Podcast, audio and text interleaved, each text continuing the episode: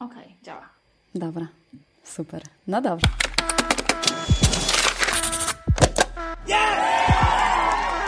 Zawód człowiek. Kochani, witam Was serdecznie. Dzisiaj mamy kolejnego gościa w związku z tematem dobrostanu zawodowego. I dzisiaj e, powiedziałam specjalista i ekspert z dziedziny, która by się mogła wydawać nieoczywista, natomiast jest bardzo związana z dobrostanem zawodowym i w ogóle dobrostanem człowieka. E, Iwona Kibil, która jest i dietetykiem, i e, szczególnie ekspertem w zakresie diety roślinnej. Pracuje w oparciu o evidence-based medicine i to jest na przykład dla mnie to jest bardzo ważne i w związku z tym ja jej ufam, e, w ogóle już od, od kilku lat mnie wspiera w, w układaniu mojej diety i tym samym dbaniu o mój dobrostan. E, I to nie tylko mnie, ale też całą moją rodzinę, więc e, w ciemno wierzę we wszystko i ufam bezgranicznie. Oprócz tego jest autorką książek Wege Dieta Roślinna w praktyce, Wege Rodzina Dieta Roślinna w praktyce, a także licznych kursów. Także cześć Iwona. Cześć, bardzo się cieszę, że Cię tu goszczę. Dziękuję za tak miłe e, przywitanie i, i, cieszę się, że, e, że mogę gościć u Ciebie. No, tak jak właśnie na y, początku wspomniałam, y, ponieważ prowadzę y, podcast, który dotyczy dobrostanu zawodowego, często odbiorcami podcastu są osoby, które pracują na etacie, to to jakby ten termin dobrostan zawodowy się dość często przewija, natomiast dość często y, jest y, takie pierwsza, pierwsza myśl, która przychodzi do głowy, jak się o tym myśli, to się myśli bardziej o kontekście kariery, e, wiesz, a mm, właśnie nieoczywistym e, wyborem może być e, pochylenie się nad dietą. Natomiast ja akurat tutaj w tym podcaście bardzo mocno podkreślam to, że żeby zabrać, zadbać o dobrostan zawodowy, to musimy też pamiętać o naszym ciele, musimy o, o niego zadbać i tak naprawdę to jest taki fundament i dopiero jak mamy te fundamenty powiedzmy zadbane, to możemy dopiero iść w kolejne mm, tematy. No i właśnie, i gdybyś mogła trochę rozwinąć to i przekonać tych nieprzekonanych, dlaczego warto się w ogóle zainteresować tym obszarem swojego życia. Mhm.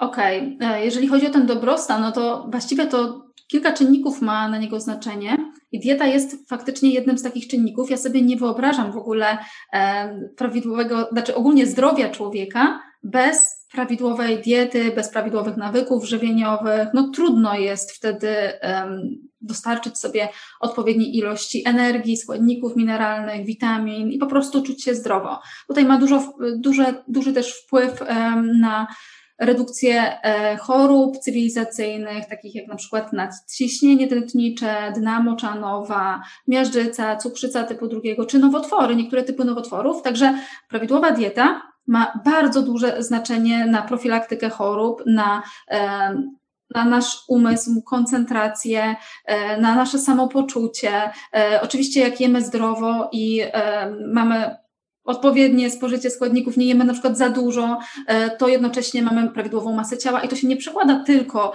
na redukcję tych chorób, ale też na nasze samopoczucie, na nasz, taki po prostu na, na, nasze, na nasz styl życia też, taki codzienny.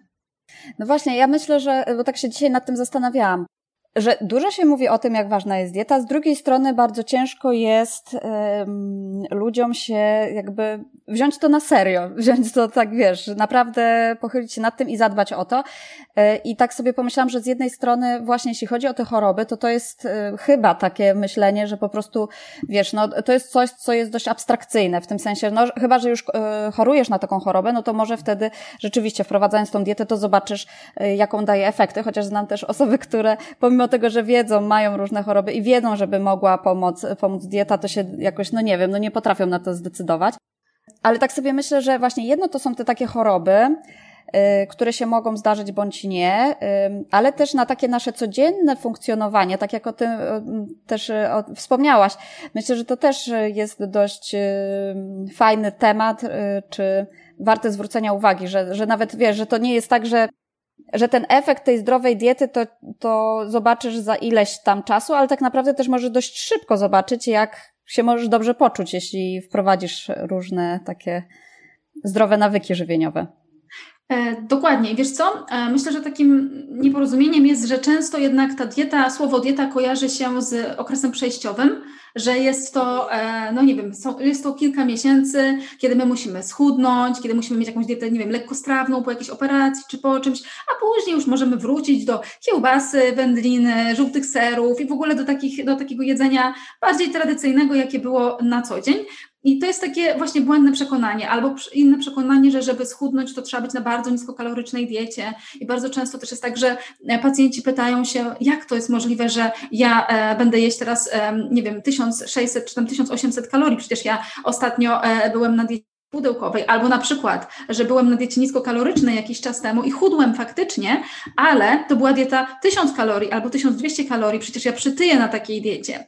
A później się okazuje, że jest to dieta 1800 kalorii e, i dana osoba nie może przejeść tych wszystkich posiłków, bo jest tego jednak dużo, bo jak to jest zdrowa dieta, to tam jest dużo tych nieprzetworzonych produktów, więc jest dużo błonnika, e, są nasiona strączkowe, które są źródłem białka, więc jednocześnie ta osoba się bardzo najada, zaczyna chudnąć, czuje się zdrowiej, nie może uwierzyć, że zjada 1800 kalorii, to się po prostu ja za każdym praktycznie razem mam tak, że e, pacjent mi mówi podczas konsultacji, znaczy, jak mówię, że na przykład zrobimy 1800 czy tam 1600 kalorii. O nie, nie, nie. Na pewno, na pewno to nie będzie dla mnie, e, że na pewno, e, na pewno e, nie schudnę, ale jest też grupa pacjentów, którzy mówią, że no, oni się na pewno nie najedzą na takiej diecie i że oni muszą jeść więcej. E, I jak robię im, jak przygotowuję im dietę, to zawsze mówię, że no dobra, ale zobaczymy, bo tak naprawdę to praktycznie każdy mówi, że jednak nie do przejedzenia jest i otrzymuję później maile, że no, co mogę pominąć w posiłkach. I faktycznie tak 99% pacjentów jednak nie daje zja- e, rady zjeść tych posiłków, mimo że to nie jest e, taka wartość kaloryczna, której by się spodziewali.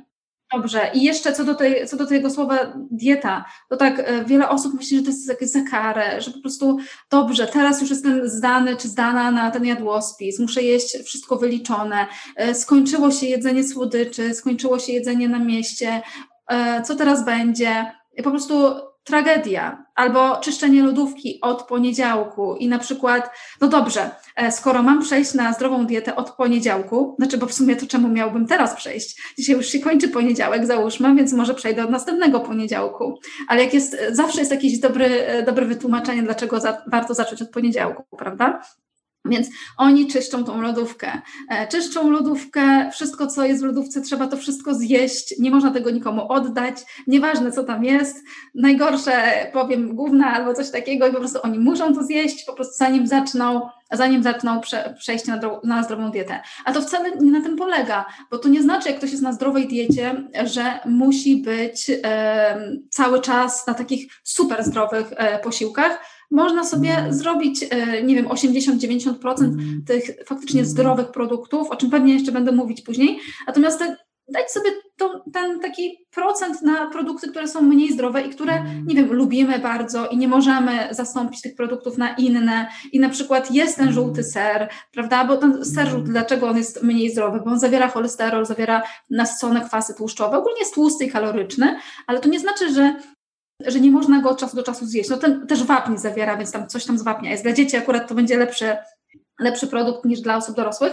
E, I e, jeżeli chodzi o te, na przykład weźmy pod uwagę ten ser żółty, to nie znaczy, że my musimy już e, wybierać pizzę tylko bez sera. Jak ktoś na przykład je pizzę z serem, nie jest na diecie wegańskiej, bo można sobie na tą pizzę pozwolić raz w tygodniu czy raz na dwa tygodnie, bo tu chodzi o to, że my mamy usunąć niezdrowe produkty, jak były jedzone za często w ciągu dnia, tak, albo w ciągu tygodnia i e, my je po prostu redukujemy. Można też redukować stopniowo. Są osoby, które też, e, słuchaj, mm, na przykład mówią, że muszą zrobić wszystko e, już teraz i jak teraz im się noga podwinie, to oni się nie nadają do tego i po prostu już tego nic nie zmienią. Miałam pacjenta raz, co w ogóle ja przyjmuję pacjentów wegańskich i miałam następnego dnia konsultację z nim, przeglądam ten formularz, który mi wysłał wieczorem tak przeglądam, a on ma mięso przez cały dzień. Na śniadanie, obiad, kolację ma ciągle albo mięso, albo sery, albo jakieś tam różne rzeczy.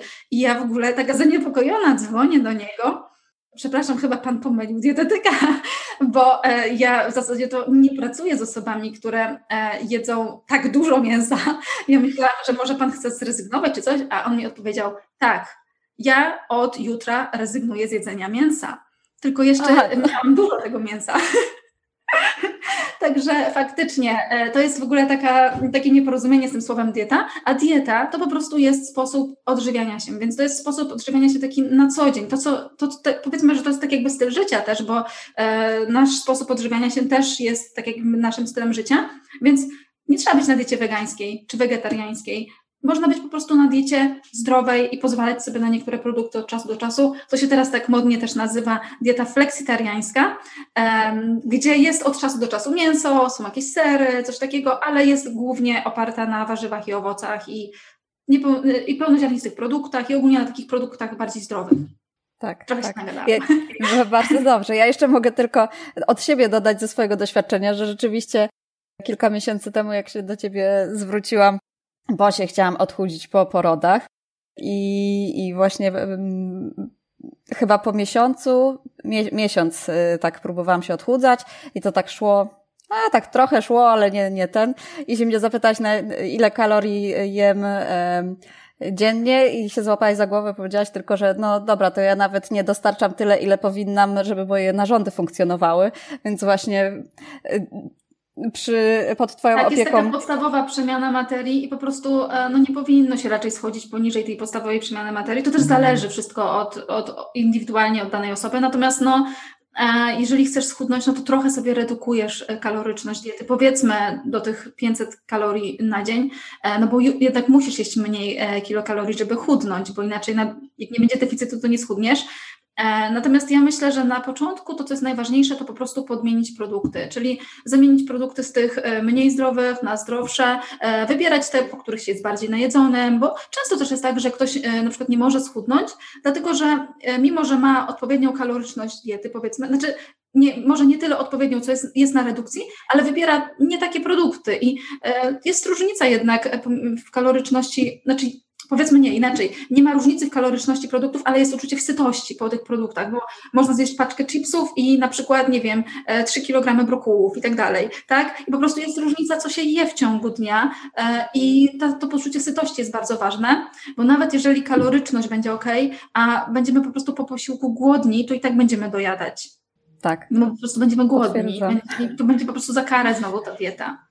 No i tak rzeczywiście było, że ja y, nie dość, że się czułam głodna cały czas, to jeszcze właśnie miałam mniej i po zmianie, no i plus ta waga tak sobie szła, wiesz, no ale już y, oczywiście jak po wdrożeniu wszystkich, y, wszystkich wskazówek od ciebie, no to nie dość, że zrzuciłam, wróciłam do tej wagi, do której chciałam, ona się utrzymuje, czuję się dobrze, czuję się najedzona.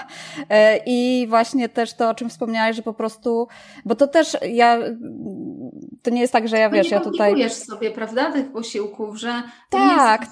no, ale też zdarza się czasami, że nie wiem, jak jestem u teściowej, to zjem ciastko po posiłku. I, i właśnie Myślę, że to jest podstawowy jakiś problem, który nie tylko w, przy, przy takiej diecie, powiedzmy na, na, redukcję, ale nawet przy diecie wegetariańskiej czy wegańskiej, tak jak rozmawiam ze znajomymi, jest takie, przy, takie przekonanie, że jeśli raz się poniesie, powiedzmy, porażkę, to znaczy, że już po prostu koniec i w ogóle olejmy to wszystko, nie ma do czego wracać i tak dalej. A rzeczywiście to jakiś czas temu się spotkałam między innymi u Ciebie z tym podejściem, żeby przede wszystkim pilnować, żeby to 80% powiedzmy posiłków było właśnie takich dobrze zbilansowanych z tych mało przetworzonych produktów. Natomiast no, jak te 20% czy, czy mniej raz na jakiś czas sobie pozwolimy e, właśnie na coś, nie wiem, na ciastko czy cokolwiek, no to to też nie jest tragedia taka, że już po prostu wszystko idzie do kosza. Tak, Myślę, że to jest bardzo fajne. Jak ten podcast jest do, e, dla osób z korporacji, pracujących w korporacjach, e, to znają na pewno zasadę Pareto, tak? Czyli to Dokładnie. 80 na 20, dobrze mówię. E, czyli no, po prostu przełożyć to sobie na życie codzienne kuchni, ale to też można sobie przełożyć na przykład na przygotowywanie posiłków, bo można 80% przygotowywać w domu, 20% na mieście, coś tam dokupić, bo na przykład można kupić gotowe humusy, gotowe, można na przykład raz w tygodniu zamawiać jedzenie z restauracji, trzeba mieć dobre miejsca wybrane, może później jeszcze porozmawiamy. Natomiast to, to, też jest 80 na 20, czyli na przykład podstawo, podstawowe posiłki robimy w domu, a na przykład w weekend sobie zamawiamy albo wychodzimy, jak już będziemy mogli wyjść e, na zewnątrz do restauracji. No i po prostu to też jest taka zasada, prawda? I ja myślę, że wszystko jest bardzo, bardzo indywidualne, bo są osoby, które mogą sobie pozwolić, żeby e, szybciej wdrożyć jakieś zmiany, albo muszą wręcz wdrożyć szybciej, jak to są osoby chore. Natomiast e, są osoby, które mogą to robić powoli, to w zależności od tego, ile mają też czasu, jakie mają możliwości, no bo jak ktoś na przykład teraz powiedzmy, że przechodzi na dietę wegańską, to e, zamiast e, zacząć domową produkcję mleka roślinnego z soi, to lepiej, żeby sobie e, kupiła ta osoba tofu w supermarkecie albo napój roślinny i po prostu wprowadzała już te zmiany po kolei. Można zacząć od jednego posiłku, albo nawet nie, od jednego dnia w tygodniu, żeby był bezmięsny, później każdego dnia starać się jakieś tam obiady przygotowywać, na przykład bezmięsne albo śniadania i później stopniowo, stopniowo sobie przechodzić. I tak samo, jeżeli to nie jest dieta wegańska, no to na przykład na taką zdrowszą dietę, stopniowo krok po kroku, opanować kilka fajnych przepisów, e, nie wiem, trzy, cztery fajne przepisy sobie opanować na e, powiedzmy risotto, makarony, e, buddha bowl, to może później też o tym powiemy, bo to jest niesamowite w ogóle z tymi buddha bowl i opanować kilka przepisów i przecież jak my znamy przepis na risotto czy na makaron, jak wiemy jak ugotować makaron, to już jest podstawa, ponieważ do tego makaronu możemy tyle rzeczy dodać, tak samo i do ryżu możemy tyle rzeczy i możemy sezonowo po prostu te produkty wymieniać sobie w jadłospisie i mamy mnóstwo różnych e, możliwości. No właśnie. Tak, i tak myślę sobie, że z jednej strony trochę o tym już wspomniałyśmy, się pojawiają dwie rzeczy, ale też chciałam e, Cię zapytać, czy byś mogła podać takie dla takiej osoby, która się w ogóle jeszcze nie, nie, nie pochyla nad tym tematem, e, takie mm, top trzy złote zasady żywienia, takie najważniejsze do, do, do wdrożenia czy do zapamiętania. Pewnie wiesz to jest, wiesz, no też zasad. ciężko, no właśnie, ciężko tak zasad. podać, bo... Ale wiesz co, jakby nie mam takich zasad, ale jakbym miała powiedzieć, e, co jest ważne, e, to dla każdej osoby będzie to inna rzecz ważna, bo tak jak mówiłam, że są osoby, które będą miały mniej czasu, i muszą po prostu kupować trochę rzeczy, e, nie mogą wszystkiego zrobić w domu. Są osoby, które będą mogły przygotowywać więcej w domu. E, są osoby, które będą miały alergię, nietolerancję i tak dalej. Więc dla każdego jest co innego ważne, ale jakbym miała tak generalnie powiedzieć, mm, to myślę, że e, jak najmniej przetworzonych produktów, czyli wszystkich takich i typu fast food, ale też nasyconych tłuszczów, czyli, tych, e, czyli takich e, tłuszczów, które są z wędlin, mięsa, z ogólnie z mięsa i podrobów, ogólnie z pasztetów, takich rzeczy, mm, serów żółtych i zamienić na przykład te produkty na niskotłuszczowe białko, czyli tutaj mogą być e, sery niskotłuszczowe, drób może być, mogą być też ryby i ryby tłuste ze względu na kwasy omega-3, czyli zamienić, czyli mniej e, tych przetworzonych, tłustych, e, w zasadzie tych, których powinno się jeść mniej, czyli tych nasyconych tłuszczów, ale też soli mniej e, i więcej warzyw, więcej owoców, przynajmniej te 400 gramów dziennie, ale są badania, są publikacje, gdzie pokazano, że 800 to jest w ogóle super, bo im więcej się je warzyw i owoców, e, to tym większe są korzyści zdrowotne z tego.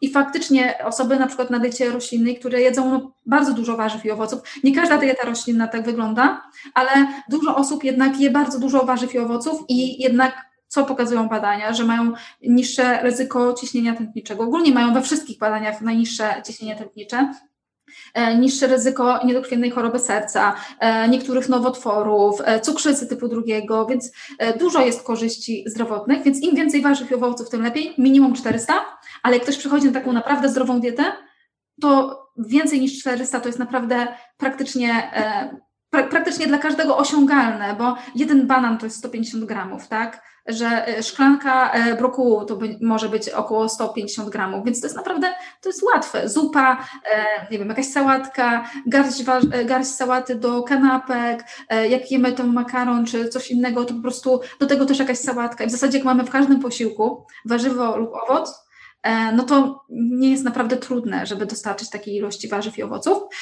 Co tutaj jeszcze? No ważne, żeby ta dieta była urozmaicona, czyli oprócz tego mniej niektórych rzeczy, więcej innych rzeczy, to, żeby urozmaicać. I ja myślę, że dobrze jest urozmaicać e, na miarę naszych możliwości, czyli na przykład e, robić to e, sezonowo. To jest super, dlatego że my możemy kupować wtedy taniej też niektóre produkty. Teraz jest sezon na dynie, także można robić zupy dyniowe, jakieś, nie wiem, ciasto dyniowe, jakieś różne rzeczy z dyni i e, kupować po prostu produkty, które są w danym sezonie, ale nie tylko nawet ze względu na cenę, chociaż to jest super, bo można naprawdę e, zaoszczędzić też na tym, jednocześnie jedząc zdrowo. A druga rzecz, że e, wtedy też te warzywa i owoce mają więcej witamin, składników mineralnych, no bo one wtedy m, są najbardziej takie dojrzałe, więc e, powiedzmy tak kupować e, urozmaicenie, czyli po prostu różne źródła e, węglowodanów, e, pieczywo razowe, makarony razowe, kasze gruboziarniste, różne źródła białka i ja najbardziej polecam nasiona roślin strączkowych, bo nasiona roślin strączkowych, tak jak już mówiłam wcześniej, one są świetnym źródłem białka, ale zawierają jednocześnie błonnik, sycą nas, czy jesteśmy najedzeni po posiłku, a także dodatkowo zawierają wapń, magnez, żelazo, witaminy z grupy B, i obniżają cukier, cholesterol, także czemu by ich nie jeść, czemu by ich nie włączyć do diety? No może z tymi, może się Polacy boją też, znaczy ogólnie ludzie się boją tych problemów żołądkowo-jelitowych, e, szczególnie z jelitami e, po nasionach strączkowych. E, natomiast warto je na pewno włączać do diety orzechy, orzechy, oliwa z oliwek, olej rzepakowy zamiast masła, smalcu i jakieś taki, tego typu rzeczy. Super. Takie urozmaicenie. A jeszcze, e, jeszcze pamiętam, że wspominałaś też o e, zielonych, e, zielonych warzywach, że szczególnie ważne, żeby też one były w diecie. To jakbyś mogła też zdradzić, dlaczego takie istotne Wiesz co, bo zielone warzywa, ogólnie to jest super ważne. E, ja też mhm. pewnie pamiętasz, bo ja zawsze wszystkim, którzy się odchudzają, szczególnie mówię o zielonych warzywach. E, ogólnie jest coś takiego jak indeks e, gęstości odżywczej, I to jest mhm. tak, że na daną porcję e, produktu jest na przykład na daną porcję produktu jest na przykład mało kalorii, ale jednocześnie jest bardzo dużo wartości odżywczych. I mhm. produkty, które e, są jednocześnie niskokaloryczne, ale mają dużo wartości odżywczych, to są właśnie zielone warzywa. Dlatego warto je dodawać każdego dnia do posiłków, bo możemy się najeść, tak jak na przykład, tak jak mhm. mówiłam wcześniej, brokuł, tak?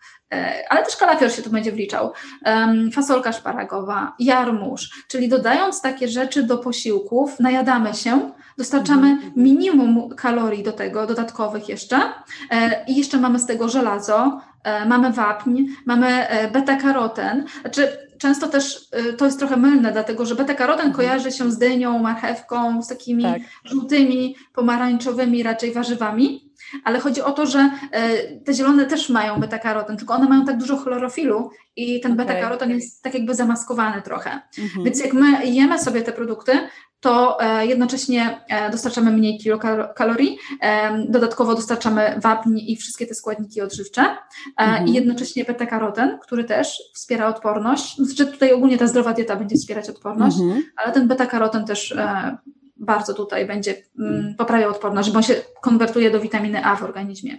Hmm.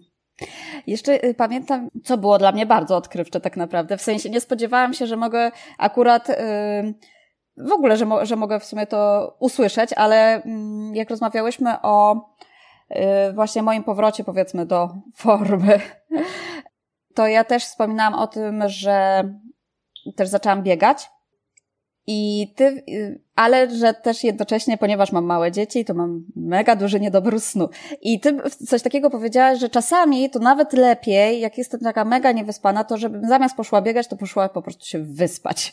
I tutaj właśnie y, też jakbyś mogła rozwinąć ten wątek snu, bo myślę, że to jest też taki wątek, który jest mocno niedoceniany, a jednak no na tyle, na ile e, znam moich znajomych i, i orientuję się mniej więcej z czym się borykają także słuchacze, no to jednak ten sen to jest taka pięta achillesowa.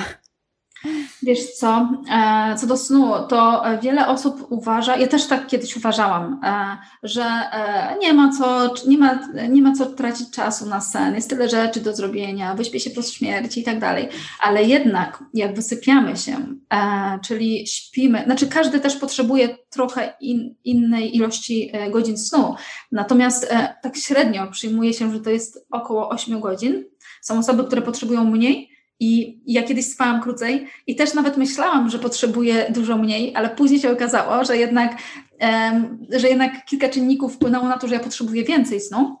I e, są osoby, które potrzebują też więcej snu, tak ogólnie, że 10 nawet godzin i albo jeszcze więcej i trzeba by sprawdzić, e, na ile e, ta osoba faktycznie potrzebuje tego, czy może jest po prostu tak zmęczona, czy może coś innego jeszcze ma na to wpływ, bo też różne choroby mogą mieć wpływ na sen. Natomiast niedosypianie, takie notoryczne niedosypianie jest związane z zaburzeniami koncentracji, ale też z jedzeniem częściej takich słonych i słodkich przekąsek, więc e, ogólnie jak nie śpimy, to też jesteśmy głodni, więc e, dojadamy więcej. I z badań wiemy, że osoby, które mniej śpią, jednak jedzą więcej słodyczy i tłustych rzeczy.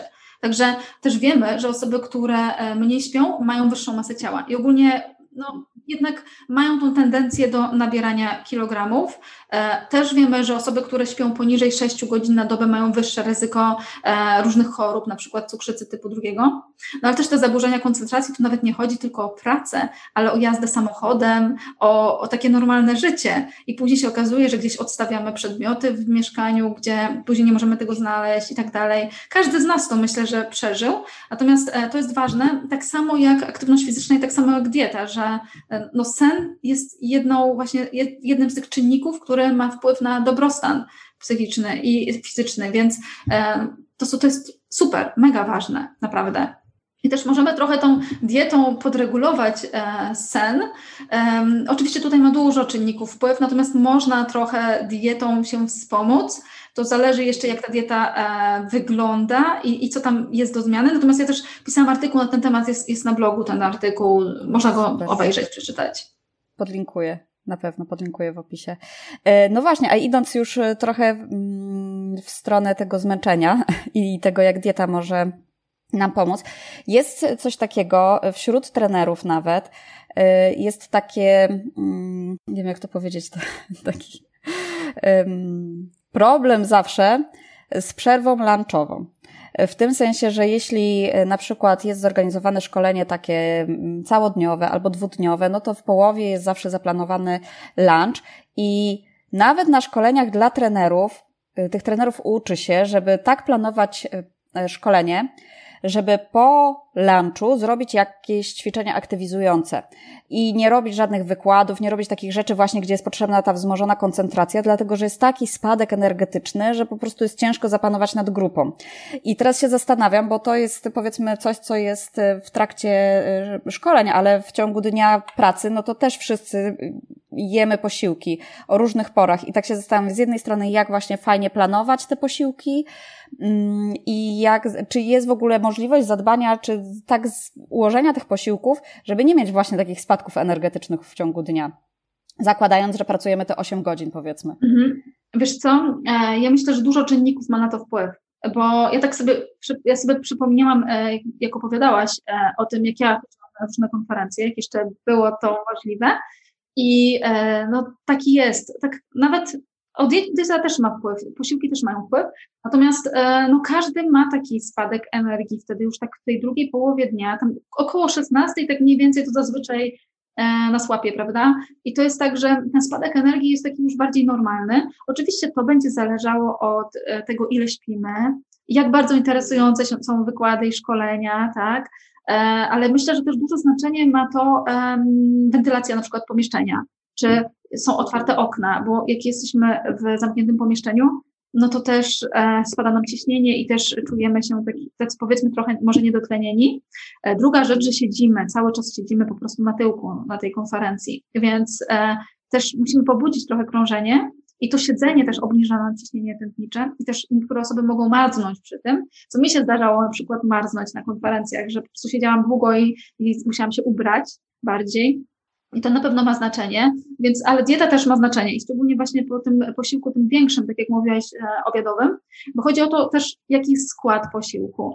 E, co zazwyczaj jest e, w takim posiłku lunchowym, bo jeżeli na przykład w tym posiłku jest dużo tłuszczu, powiedzmy jakiś to jest taki cięższy posiłek, to jednak nasz organizm bardziej się skupia wtedy już na trawieniu tego posiłku niż na wykładzie i e, taki cięższy posiłek, tłusty, zostaje po prostu trochę dłużej w żołądku i po prostu czujemy go tam. Więc ja myślę, że na pewno warto wybierać posiłek, który będzie składał się z węglowodanów złożonych, E, czyli nieprostych, czyli na przykład nie białego makaronu wtedy, nie białego ryżu, czy nie takich ugotowanych ziemniaczków pire. Ogólnie z tymi ziemniakami to też jest nic, że one tłuczą i tak dalej, ale jeżeli chodzi o szkolenie i takie miejsca, gdzie siedzimy przez cały czas, e, to ja myślę, że jednak bardziej się opłaca wybrać w tym miejscu e, jakąś kaszę gruboziarnistą typu gryczana, albo na przykład pęczak, albo makaron razowy, Czasem nie mamy możliwości niestety wybrać, więc tutaj możemy coś zabrać ze sobą z domu oczywiście.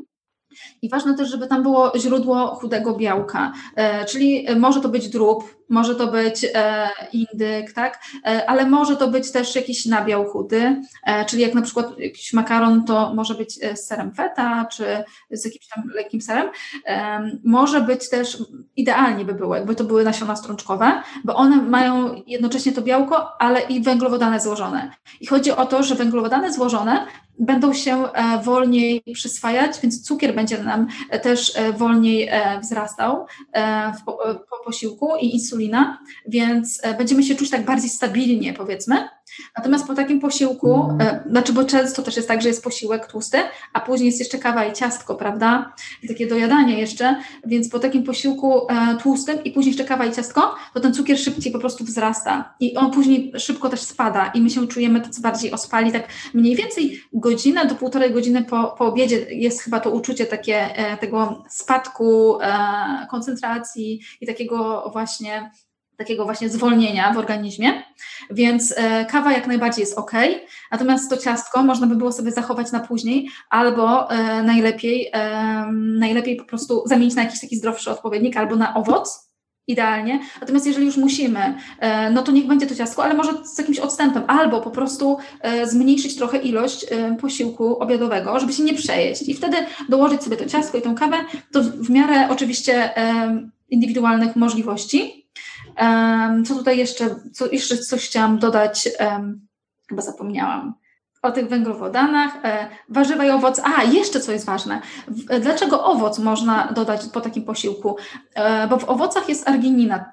Znaczy, nie będę komplikować. W każdym razie warzywa i owoce e, powodują uwalnianie się tlenku azotu, produkcję tlenku azotu w organizmie i to jest taki związek, który będzie rozszerzał naczynia krwionośne, więc jednocześnie będziemy czuć się tak, powiedzmy, bardziej jakby dotlenieni.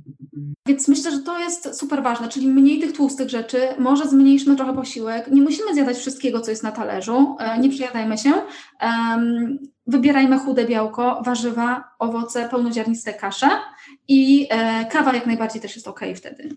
Super. Dobra, no to tak, właśnie i teraz idąc y, tropem kawy, chciałam się Ciebie zapytać jeszcze o jedną rzecz, która wiem, że jest trochę piętą achillesową, czyli picie wody. I ja na przykład odkryłam, bo staram się pić tą wodę. I, I nawet już mam tak, że w domu, przynajmniej jak siedzę przy biurku, pracuję, to sobie biorę taką litrową butelkę, mam, no właśnie, litrową butelkę z wodą, którą po prostu przez cały dzień, powiedzmy, staram się wypić, tak żeby przynajmniej te półtora litra y, wody pić. To, co ja na przykład zauważyłam po sobie, to że czasami jak mam właśnie mega mało energii, to nawet y, woda lepiej działa na mnie niż kawa, co nie zmienia że, y, tego, że jakby z kawy nie potrafię zrezygnować, ale, ale chodzi mi o to, że widzę właśnie, że często woda pomaga i w, mi w podniesieniu energii i na przykład przy po prostu bólach głowy, wiesz, nawodnienie.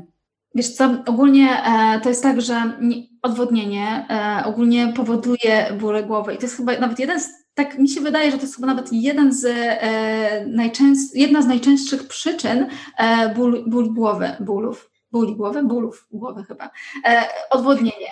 Okay, ból w głowie, odwodnienie, e, czyli po prostu jak mamy za mało wody, dopada nas, e, do, może nas dopaść, mogą nas dopaść zaburzenia koncentracji, e, nawet w skrajnym przypadku zaburzenia mowy nawet do tego dochodzą, ospałość, niższe ciśnienie tętnicze i faktycznie ból głowy do tego dochodzi. I bardzo często woda jednak może pomóc, nie trzeba brać tabletki wtedy na ból głowy. Woda jest w ogóle niezbędna do koncentracji, do podniesienia koncentracji, odpowiedni stan nawodnienia. A też dodatkowo pijąc wodę możemy sobie dostarczyć magnezu i wapnia, bo też e, te składniki są w wodzie. Nawet w takiej zwykłej kranowej, wo, kranowe, kranówie będą te składniki. Nawet nie muszą to być jakieś butelkowane wody. No właśnie. Tylko teraz pytanie, czy jakby jest sposobem y, na przykład wypicie, y, nie wiem, rano, wiesz, 0,75 litra i wieczorem 0,75 litra, czy to raczej powinniśmy jakoś tak rozłożyć, żeby, żeby to mniej więcej miarowo pić? Mm, ogólnie to jest tak, że kobiety potrzebują około 2000, y, znaczy około 2 litrów powiedzmy i e, mężczyźni około 2,5 litra na dobę. I to się, wlicza się do tego też woda z warzyw, owoców, z zup i z tego typu rzeczy. Natomiast, no, tak jak powiedziałaś, te półtora litra to jest takie minimum wody. I ja myślę, że y, trudno jest jednak to zaplanować, y, szczególnie jeżeli na przykład my tam gdzieś koło 12 się orientujemy, że nie pijemy wody, więc najlepiej jest po prostu mieć zawsze przy sobie, wiemy, że to jest takie Wszyscy to mówią. Natomiast najlepiej jest jednak mieć przy sobie tą wodę, nie wiem, ten dzbanek wody, w zależności od tego, gdzie jesteśmy. Jeżeli na przykład wie, e, wiesz, że pracujesz przy, przed komputerem na górze, e, na przykład na, jesteś na parterze, masz kuchnię, a wiesz, że pracujesz na górze, to musisz zostawić na górze wodę, bo nie będzie ci się chciało iść na dół. Więc po prostu trzeba ją zawsze mieć gdzieś przy sobie i ja wiem, że są też aplikacje na telefon, które przypominają o piciu wody, e, są metody z butelką, żeby zaznaczać do której godziny ile wody się powinno wypić na tej butelce i tak dalej, więc każdy może mieć na to swój sposób. Ja myślę, że chyba najlepiej jest jednak mieć ten dzbanek z wodą przy sobie i po prostu za każdym razem, jak, jak coś robimy i patrzymy na tą wodę, to po prostu się trochę napić. Mhm. Super. No właśnie, a jeszcze wspomniałaś o e, Buddha Ball. Czy mogłabyś. Bo teraz tak, teraz jest trochę powiedzmy o tyle nowa rzeczywistość, że o ile wcześniej większość osób chodziła do biura i trzeba było powiedzmy, jeśli, jeśli chciałaś jeść swoje jedzenie, to trzeba było zabierać pudełka e, przygotowane wcześniej e, do pracy. No teraz jesteśmy powiedzmy o tyle, moim zdaniem jest to trochę na plus, jeśli chodzi o żywienie, że jesteśmy w domu. E, I jakie są takie posiłki, które są super? Bo to, co mi jeszcze przychodzi do głowy, to szejki, ale nie wiem, co o nich sądzisz. Więc e, jakbyś mogła jakieś takie właśnie Wiesz co, super, ja powiem super tak, że dania. dla niektórych to będzie super, dla innych nie, bo są osoby, którym jest wygodniej e, i nie wiem nawet jak to podzielić, ale są osoby, jak rozmawiam z pacjentami, którym jest wygodniej, jak pracują z domu i czy mają ten dowóz catering, czy na przykład mają posiłki przygotowywane w domu, e, to jest im wygodniej, bo po prostu idą do kuchni, biorą, nie muszą tego pakować, nie tracą czasu na, e, na takie tego typu rzeczy. Łatwiej jest po prostu wyjąć coś z garnka niż e, zapakować, to później odpakować. Natomiast inne osoby e, no, nie mogą się skupić na pracy, bo po prostu jedzą ciągle bo mają tą lodówkę blisko, więc e, to wszystko zależy. Natomiast ja myślę, że jeżeli chodzi o takie, nie wiem, czy, czy pytałaś mnie o to, o co mnie pytałaś? E, jakie, jak, e, jakie są takie właśnie super jakieś dania, czy takie wskazówki, wiesz, jakieś tipy, e, no, które można by było wdrożyć i, i które są warte, żeby zapamiętać i, i spróbować zastosować? Wiesz co, ja jestem zwolenniczką takich prostych posiłków, bo sama jem też e, bardzo proste posiłki, więc e, jak e, czy te jadłospisy, które tam mam gotowe, czy, ten, czy jak układam pacjentom i oni mnie zawsze proszą o proste rzeczy i ja to po prostu robię, dlatego że dlatego, że tak jakbym ja miała e, stosować ten jadłospis, to ja bym się poddała po pierwszym dniu chyba, jakby każdy posiłek wyglądał inaczej i miałabym zrobić pięć posiłków w ciągu dnia. I ja myślę, że e, warto bazować na takich prostych przepisach i stosować sobie takie może wymienniki baz, to co mówiłam wcześniej, czyli mamy makarony, mamy ryż i możemy zrobić risotto i właśnie tym odkryciem jest też Buddha Bowl, bo Buddha Bowl E, czy można to po polsku jakoś nazwać miska różności, e, to jest coś takiego, to jest po prostu niesamowite. E, po pierwsze, możemy tam położyć wszystko, czyli jak na przykład mamy taki zdrowy talerz, wiadomo, połowa talerza takiego posiłku wytrawnego to powinny być warzywa. Ja zawsze tłumaczę pacjentom połowa talerza warzywa, przynajmniej jakaś tam jedna część to zielone warzywa, czyli jakaś tam garść powiedzmy przynajmniej, idealnie jak więcej, ale przynajmniej tyle. Do tego ćwiartka talerza białko, ćwiartka talerza węglowodany, Czyli na przykład białko to mogą być nasiona roślin strączkowych, ale może być też humus, mogą być makarony z nasion roślin strączkowych, może być tofu, jak ktoś je nabiał, to też może być nabiał chudy, mogą być jaja w tym miejscu, czy drób. E, I ostatnia część, ta ćwiartka, to są właśnie te e, węglowodany, czyli na przykład kasza, e, ryż, makaron, ziemniaki, ale też pieczywo. I jak my wiemy, że nasz talerz powinien tak wyglądać, żeby mieć energię po posiłku, żeby się dobrze czuć, żeby być najedzonym przede wszystkim i żeby ten posiłek był zdrowy, no bo tam mamy też te warzywa, dużo warzyw, e, to my możemy sobie skomponować teraz bardzo prosty posiłek. E, po pierwsze, e, mogą to być te makarony i te inne rzeczy, o których mówiłam, czyli mamy trochę ryżu, trochę jakiegoś białka, trochę warzyw, czy tam trochę makaronu, tak?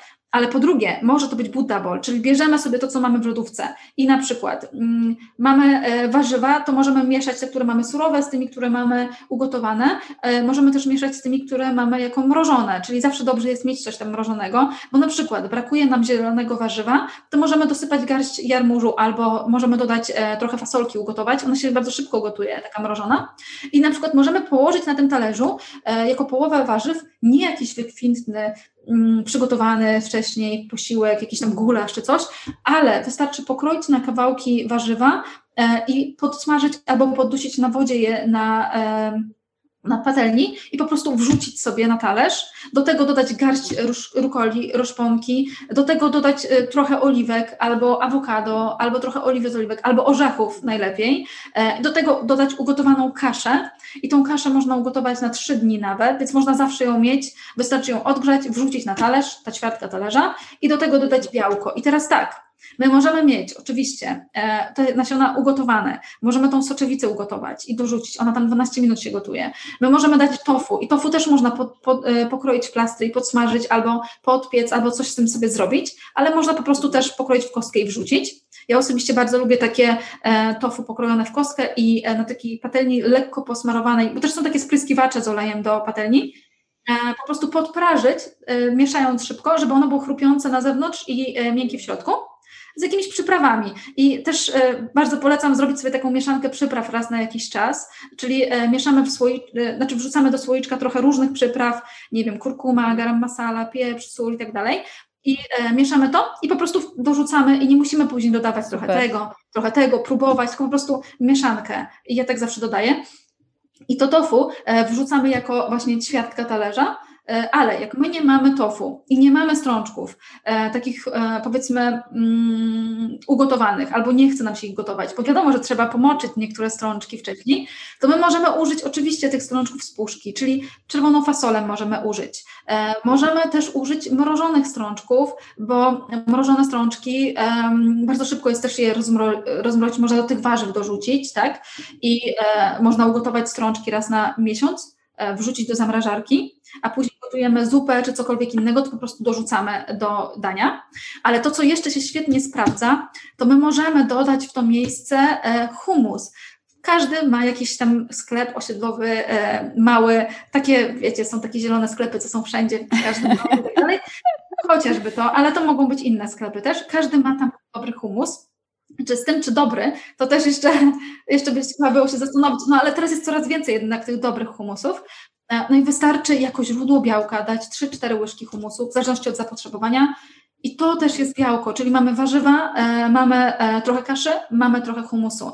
Buddha bowl, którą jadłam e, w sobotę, to była komosa ryżowa, e, to była komosa różowa, to było tofu i to były warzywa takie jak pietruszka, marchewka, e, fasolka szparagowa, e, trochę jarmużu, pomidorki koktajlowe, oliwki, kapary wow. i do tego orzeszki ziemne. Także tak, ale za, na przykład można do tego przecież dodać łyżkę majonezu takiego wegańskiego zrobionego z oleju rzepakowego, to będzie się też wymieniać na tłuszcze i możemy zrobić sos jogurtowy do tego, na przykład jogurt naturalny mieszamy z przyprawami, nie wiem, oregano, bazylia, musztardę można dodać, mieszać to i można polać sobie to Buddha Bowl i po prostu to jest mhm. tak e, cudowne, że my możemy zrobić posiłek, w kilka minut z rzeczy, które już mamy na przykład w lodówce, bo nam zostały z poprzednich posiłków, bo nam zostało trochę kaszy, trochę ziemniaków, trochę makaronu i dodajemy do tego. Ale my możemy też bazować na niektórych produktach gotowych ze sklepów, bo to nie jest tak, że te gotowe wszystkie mus, musimy demonizować można na przykład kupić sos pomidorowy. Trzeba też wybrać dobre sosy pomidorowe. Jest trochę takich.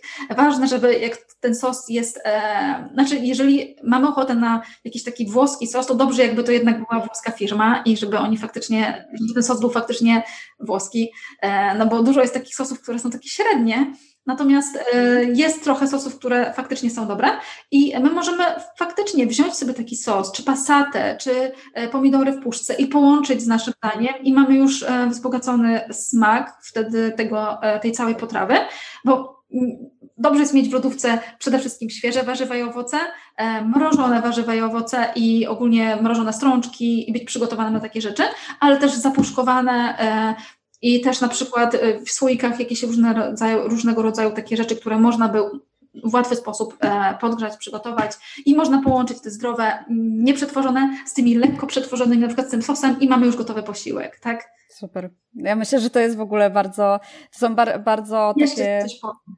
No. Jeszcze, jeszcze ci powiem, jest, jest coś takiego jak mąka z ciecierzycy. I słuchaj, to jest o, tak. niesamowity tak. produkt. To jest niesamowity produkt, bo można każdego dnia przygotować inne śniadanie e, na bazie e, mąki z ciecierzycy, bo można zrobić z tego omlet. Wystarczy do tej mąki z ciecierzycy dodać napój roślinny, przyprawy, wymieszać i tutaj wrzucamy wszystko, co, się, co chcemy. E, kiszone ogórki, oliwki, paprykę, jarmuż, kapary, wszystko tam się nada.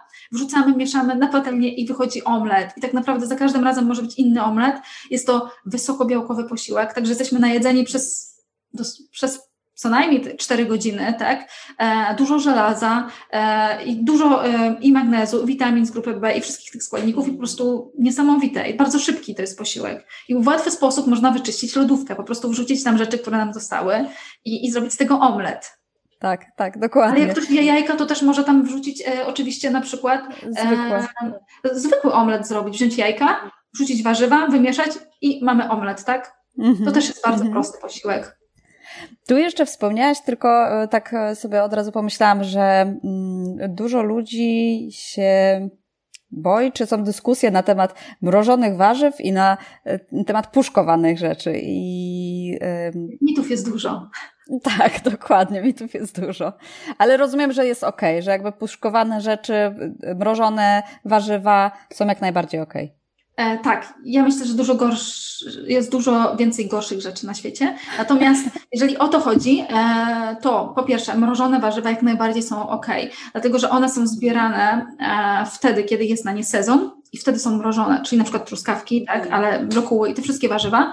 E, więc tak naprawdę, żeby mieć urozmaiconą e, dietę w zimie, to super jest mieć te mrożone owoce, bo wtedy no w zimie bazujemy na czym? Pomarańcze, bazujemy na czyli to sprowadzane, tak, pomarańcze, ananas, e, jabłka, gruszki, tak, to tak trochę monotonnie, więc super jest dodać do tego mrożone, szczególnie jak możemy na przykład do koktajlu dodać.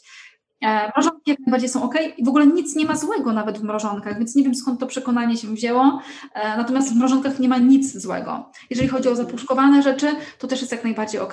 Tylko ważne, że niektóre rzeczy mają dużo soli albo cukru, więc też trzeba pilnować. Jak są takie gotowe sosy, na przykład sosy fasolka w pomidorach, załóżmy, to tam jest sporo jednak cukru, więc po prostu też może nie wszystkim to smakować, więc e, myślę, że lepiej e, po prostu mieć wtedy fasolkę e, e, tą fasolkę białą e, zapuszkowaną i na przykład sos pomidorowy albo pasatę i zrobić sobie taką fasolkę po prostu samodzielnie. To też zależy, bo może są osoby, które lubią też takie lekko słodkie. Znaczy, dla mnie to są te sosy z fasolką jednak bardziej słodkie, ale pewnie można też znaleźć takie, które są mniej słodkie. Kolejna rzecz, że e, strączki z puszek, one są jak najbardziej ok. Nawet są lepiej tolerowane dla os e, przez osoby, które mają problemy jelitowe, więc, bo one mają mniej tych cukrów galaktoligosacharydów, więc na początek, jak ktoś przechodzi sobie na dietę roślinną, to nawet te strączki z puszek będą lepiej tolerowane, więc nawet bym polecała e, przejść najpierw przez te drobne nasiona soczewice albo właśnie te z puszek. E, jedynie to, to trzeba przepłukać je, bo one są e, tam moczone w sodzie, w soli ogólnie, z solą, więc e, jak są moczone z solą, no to mają po prostu większą zawartość sodu i trzeba po prostu je trochę przepłukać. Wszystkie te takie w słoikach idealnie super jest kupować czy pasaty, czy tego typu rzeczy w słoikach. Wiesz co, jeszcze mi się przypomniało, teraz no. podczas e, tych czasów korona e, coraz więcej jednak firm e, robi coś takiego, że robią paczki i dowożą do danej osoby jakieś takie paczki warzyw, na przykład paczka warzyw niespodzianka albo jakoś tam Tak, tak, tak, tak. To jest bardzo fajne. No właśnie, to też, właśnie. To też łatwo jest wtedy planować posiłki, no bo mamy taką paczkę i po prostu dostajemy paczkę i musimy wymyślić, co zrobimy e, z taką paczką, tak? Czyli planujemy już na cały tydzień, zanim weźmiemy następną paczkę, tak? I za każdym razem możemy wymyślić e, z tych warzyw, co zrobimy. Bardzo fajne. Nie, no. nie musimy wtedy. I raz w tygodniu dostajesz, nie? Gotowe. Tak, tak, tak. Mm. A y, wiem, chciałam się podpytać też o diety pudełkowe, bo też y, wiem, że jest to dość y, taki, no, często teraz y, używana forma zadbania jakby tym bardziej, że no wiesz, tutaj powiedzmy, że na plusy, plusy są takie, że dostajesz te pięć posiłków, masz je gotowe, zazwyczaj te firmy się deklarują, że pracują z, z dietetykami, którzy układają, więc, więc ufasz, że to jest dobrze zbilansowane.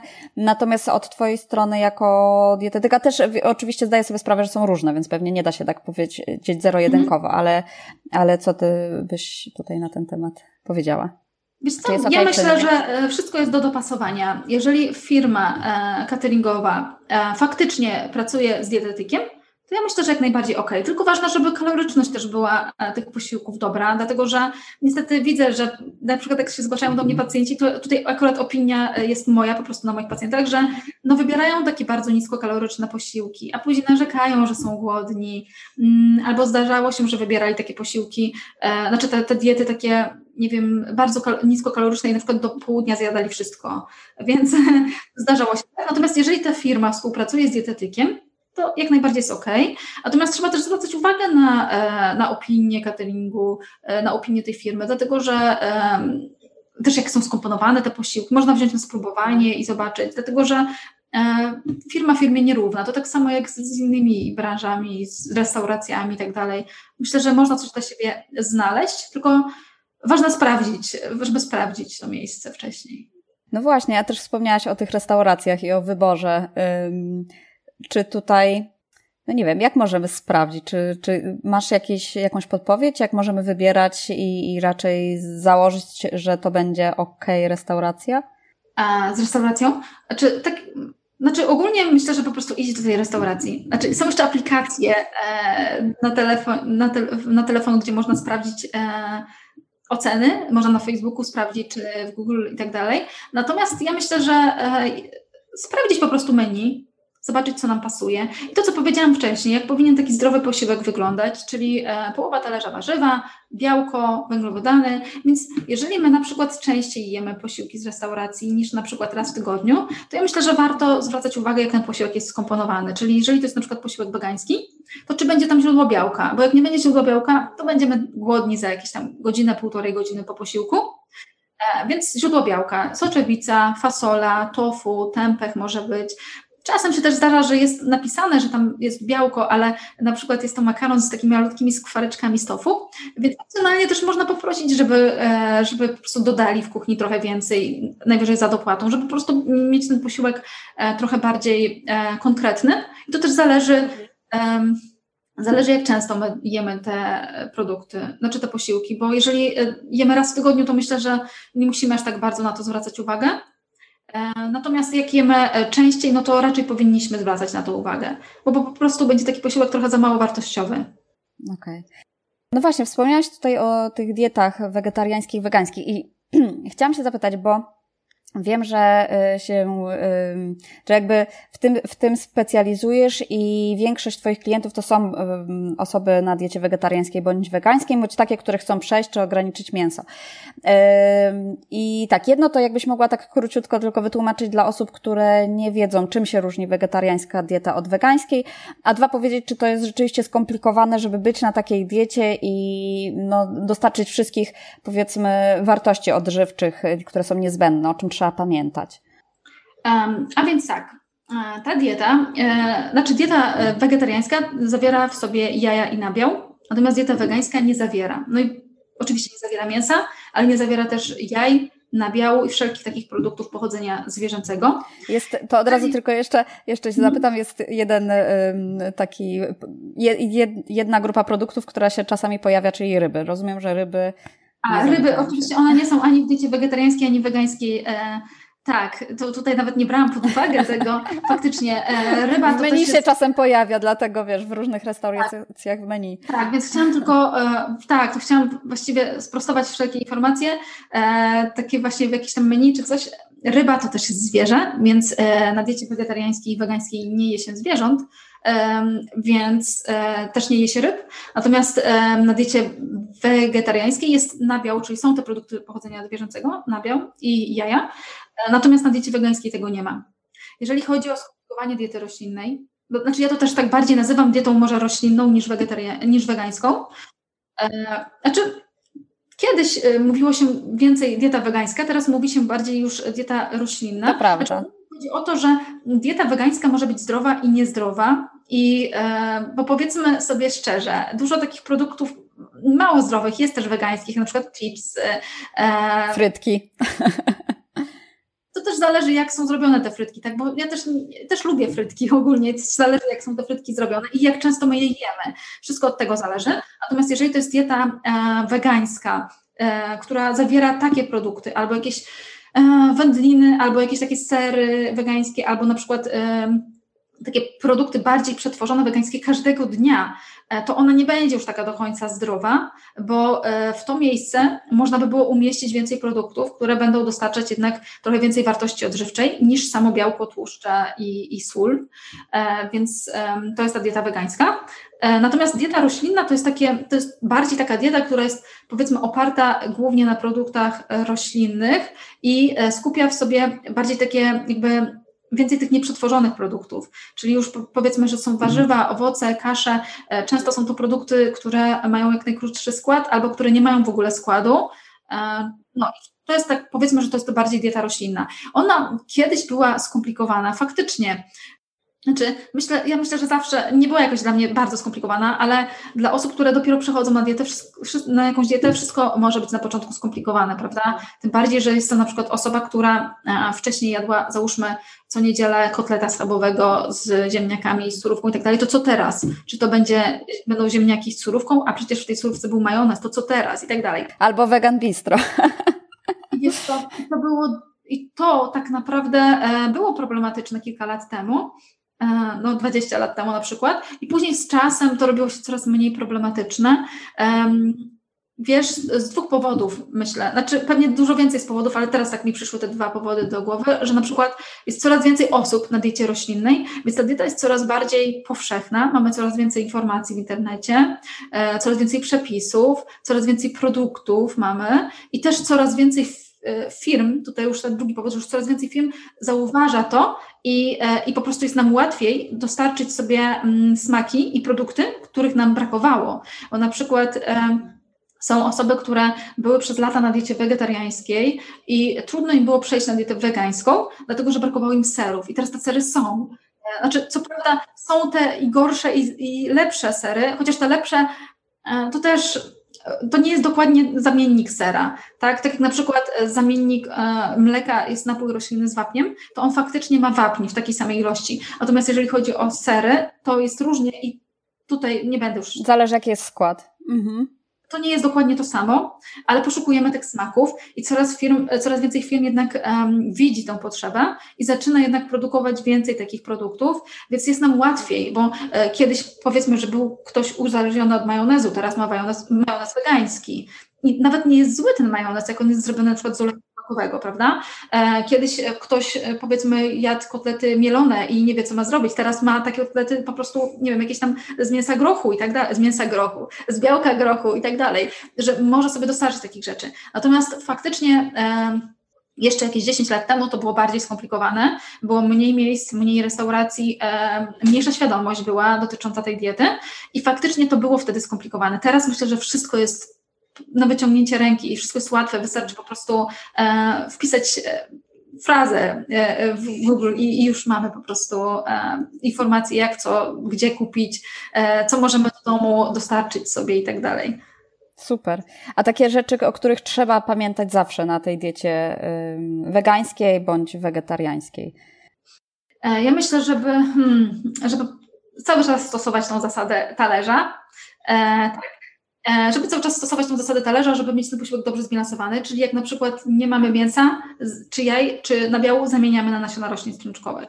I trzeba pamiętać, że nasiona roślin strączkowych to jest e, faktycznie takie podstawowe źródło białka na diecie roślinnej, e, bo zawiera w większej ilości też aminokwasy, które są normalnie w mięsie i produktach odzwierzęcych, czyli lizyna na przykład, aminokwas jest normalnie w mięsie i ona jest w większej ilości w nasionach strączkowych. E, trudno jest dostarczyć sobie tego aminokwasu z samych warzyw, owoców, kasz e, w takiej ilości, jaka by była potrzebna, więc trzeba tutaj o tym pamiętać. Trzeba pamiętać o tym, że cały czas zapotrzebowanie, żeby, żeby dostarczyć zapotrzebowania na wapń, odpowiedniej ilości wapnia w ciągu dnia, szczególnie małych dzieci, to musimy spożywać e, albo te napoje roślinne wzbogacane w wapń, albo na przykład tofu, e, orzechy, e, na przykład orzechy laskowe, migdały, peski słonecznika, sezam, tahini będą dobrym źródłem wapnia.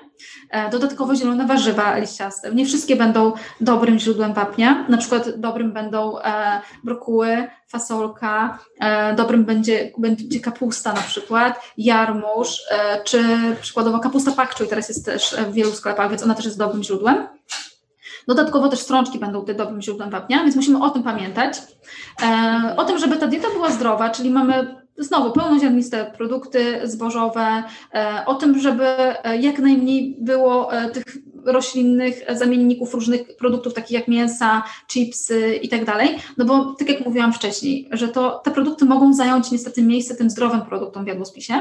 Musimy też pamiętać o tym, że niektóre rzeczy trzeba suplementować i e, Suplementacja jest ogólnie, jest ogólnie e, zalecana e, w różnych jednostkach i chorobowych i e, zalecana jest ogólnie dla naszej populacji ze względu na, na to, że na przykład niektórych składników nie możemy sobie uzupełnić z diety, czyli przykładowo witamina D, czyli witaminę D każdy musi tak naprawdę suplementować i na diecie roślinnej też ją trzeba suplementować.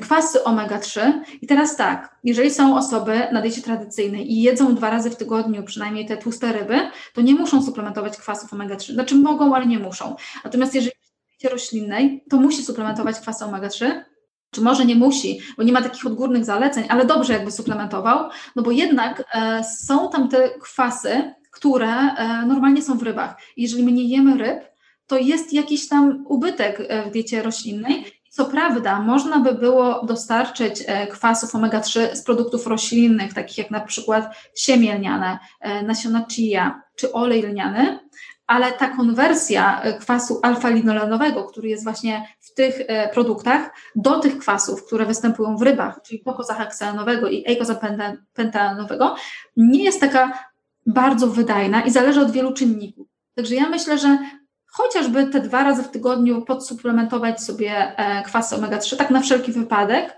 E, ja też nie zalecam tego wszystkim, bo jeżeli ktoś nie może sobie suplement, nie może suplementować albo się z tym nie zgadza, to okej, okay, bo też nie mam takich żadnych badań wśród wegan i wegetarian, e, że mogłabym pokazać, że, że mają jakieś problemy zdrowotne związane z brakiem tych kwasów, ale z badań wiemy, że mają niskie stężenie tych kwasów w organizmie i czemu by nie podnieść, skoro wiemy, że to są bardzo korzystne tłuszcze. E, więc jak, tym bardziej jak mamy suplementy na bazie alg, z których e, można dostarczyć sobie też takich samych ilości kwasów omega-3, to czemu by tego nie zrobić, jak tylko są korzystne skutki E, no i jeszcze witamina B12. Witamina B12 to jest witamina, która jest tylko w produktach pochodzenia zwierzęcego, e, głównie w czerwonym mięsie, więc na diecie wegańskiej, ale też i wegetariańskiej trzeba ją suplementować, e, no bo nie dostarczymy jej po prostu w odpowiedniej ilości z innych produktów.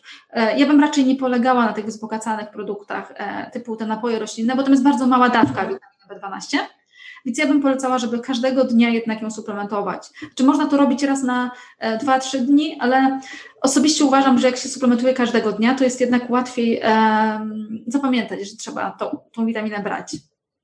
A jakie może być ryzyko niedoboru? Znaczy, czy jaki efekt może być niedoboru B12? Wiesz co, witamina B12 bierze udział w organizmie w dwóch reakcjach chemicznych, e, biochemicznych. E, redukuje homocysteinę i kwas metylmalonowy. I obydwa te składniki e, mają negatywny udział, znaczy negatywny wpływ na układ nerwowy. Ogólnie takie niedobory witaminy B12 będą objawiać się zaburzeniami koncentracji, drętwieniem mięśni, może nie drętwieniem, tylko skurczami mięśni, uczuciami parestezji, czyli takie jakby uczucie przeszywania, takie twardnienia pod skórą. Nie wiem, jak to dokładnie nazwać, natomiast jest to takie dziwne uczucie e, pod skórą. Dodatkowo może zwiększać ryzyko złamań kości, bo wysoki poziom homocysteiny, jak B12, tak jak mówiłam, że redukuje homocysteinę i ten kwas metylmalinowy, wysoki poziom homocysteiny e, będzie zwiększać ryzyko złamań kości, będzie zwiększać ryzyko e, wad e, układu nerwowego u dzieci, jak kobieta na przykład w ciąży ma niedobory witaminy B12, tak samo jak z kwasem foliowym. Dodatkowo będzie zwiększać ryzyko udarów, e, miażdżycy, cukrzycy typu drugiego, ogólnie tych chorób takich e, na tle zapalnym, choroba Alzheimera, ogólnie tych chorób neurodegeneracyjnych wszystkich, związanych też i z koncentracją, z pamięcią. Ogólnie e, ma ta witamina wpływ na bardzo dużo różnych czynników w organizmie. I też niektóre osoby, które jedzą mięso, muszą suplementować, dlatego że na przykład przyjmują leki, które blokują przyswajanie B12, E, na przykład metformina e, przy cukrzycy typu drugiego, e, przy insulinoporności musi być przy B12, znaczy musi być przy tym leku suplementowana B12, bo, za, bo te dwa czynniki wchodzą z sobą w interakcję i ten lek jednak zaburza przyswajalność.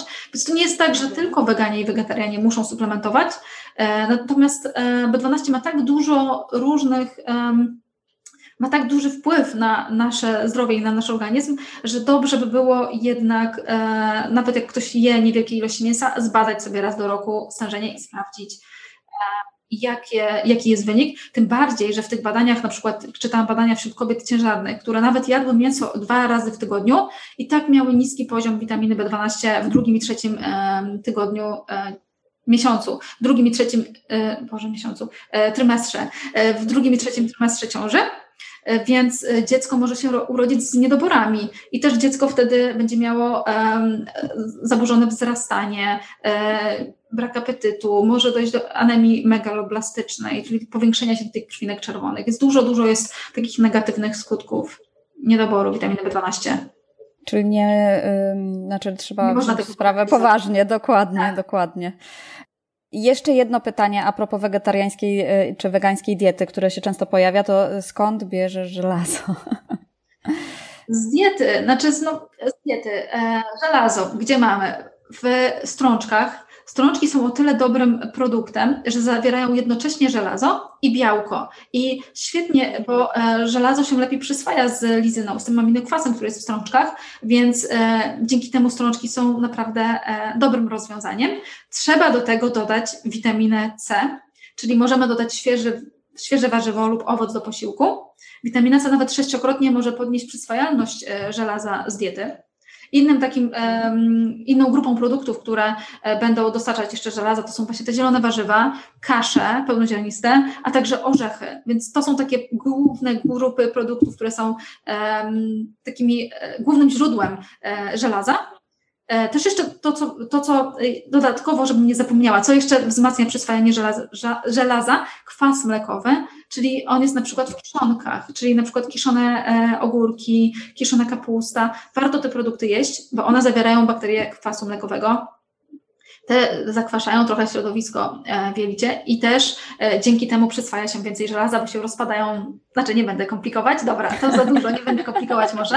W każdym razie warto takie połączenia robić, natomiast nie łączyć strączków i ogólnie posiłków bogatych w żelazo z kawą herbatą, czerwonym winem, dlatego że e, to są jednak e, produkty, które zawierają dużo katechin, polifenoli, e, które będą tak jakby blokować przyswajanie żelaza, łączą się z nimi w kompleksy cienkim i to żelazo nie jest przyswajalne. Jak się nie przyswaja, to zostaje wydalone i niestety naszemu organizmowi tego zabraknie.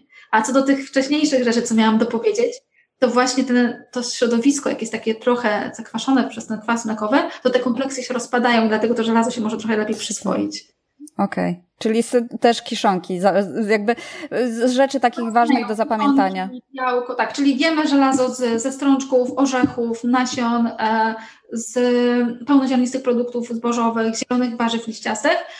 Jadamy z witaminą C, czyli świeże warzywa lub owoce, czyli jak jest owsianka, to dajemy kiwi, dajemy, nie wiem, pomarańcze, dajemy ananasa, dajemy jakieś e, gruszkę, nie wiem, jakiś owoc. E, jak aha, jeszcze suszone owoce można do tego dodać, bo tam też jest dużo żelaza, szczególnie w rodzynkach. Mm, jak mamy jakieś e, zupy, to dodajemy e, jakiś owoc na deser, albo dodajemy tą natkę pietruszki, czy coś takiego, ale z tą natką pietruszki to też nie jest tak, że trzeba z nią szaleć, bo ona ma dużo kwasu um, szczawianowego i ten kwas też blokuje trochę przyswajanie żelaza, ale ma też witaminę C, to, to tak okej. Okay. Więc z umiarem.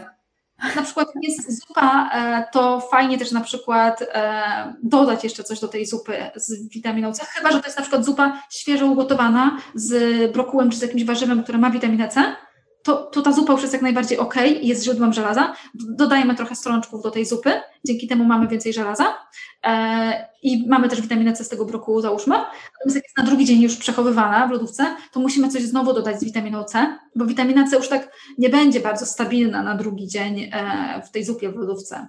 Chciałam się zapytać, e, bo częstym problemem, jaki niestety się pojawia e, wśród, no nie, wśród wszystkich tak naprawdę, e, jest stres. I teraz sobie się zastanawiam, czy jest jakaś możliwość, żeby wpływać dietą na redukcję, czy albo w drugą stronę, czy może też dieta w jakiś sposób generować, na przykład podbijać nam ten stres? Um, tak, znaczy tutaj chodzi o taki stres e, psychiczny, tak? Nie taki. Tak, tak, tak, tak. Tak, bo stres może być też na przykład jak jemy um, produkty zapalne, to jest taki stres w organizmie, że tak, że przy, przyczynia się do chorób zapalnych, więc e, przede wszystkim e, ja bym się skupiła tutaj na takiej zdrowej, pełnowartościowej diecie, czyli to, co mówiłam przez cały czas. I myślę, że to jest taka chyba podstawa, no bo jest dużo składników, które e, jednak mają wpływ na stres, na przykład kwas foliowy, czy, e, czy witamina B6, ogólnie witaminy z grupy B, czy na przykład kwasy omega-3, witamina D też i magnez i to po prostu jest albo ta witamina z suplementów, albo z diety ta reszta rzeczy.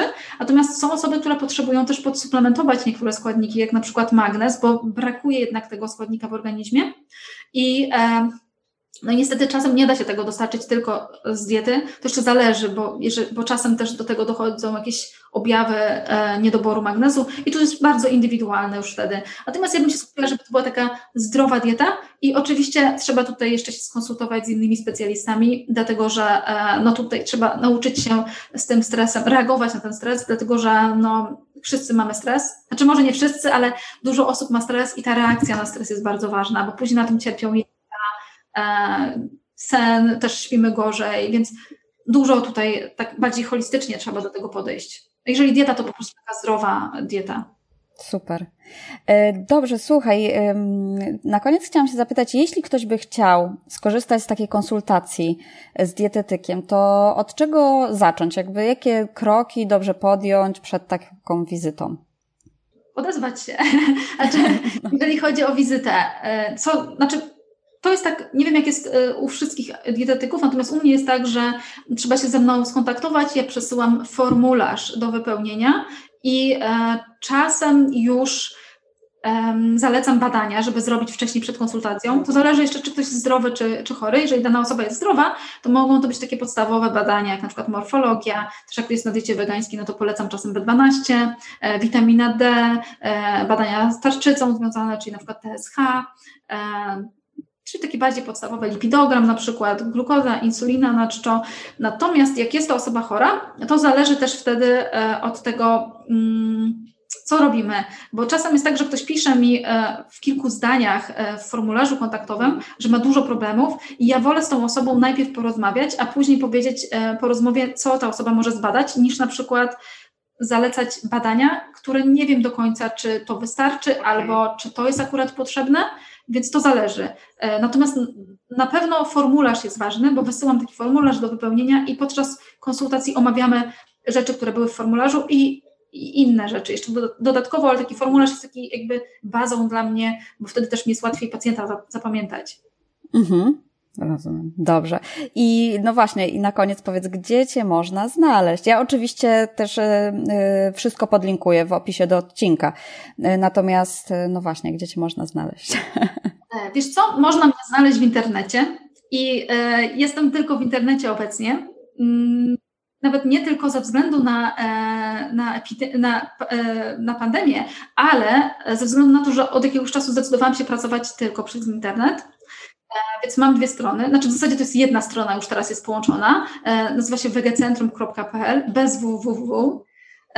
Druga się nazywa vegetation.com, ale one są już teraz połączone. I tam jest i platforma z blogiem i konsultacje, ale też są e-booki, kursy online, E, I robimy też jeszcze dodatkowo, od razu zareklamuję, z moim e, znajomym dietetykiem, kolegą, e, robimy live'y. Nie jest to zawsze co czwartek, ale staramy się, żeby zawsze były, znaczy żeby były w czwartki, ale nie jest zawsze, nie jest tak, że co tydzień, ale staramy się w miarę regularnie robić przynajmniej te dwa razy w miesiącu o 20 live'y na naszych fanpage'ach na różne tematy i zapraszamy też różne osoby do tych live'ów. E, także można nas znaleźć e, też na kanale, ja mam ten kanał YouTube e, Iwona Kibil Dietetyk, ale ja ostatnio mało tam rzeczy wrzucam, bo po prostu miałam i, um, i wrzucam tam też materiały z tych live'ów często i e, jakieś tam różne tego typu rzeczy, wykłady czasem.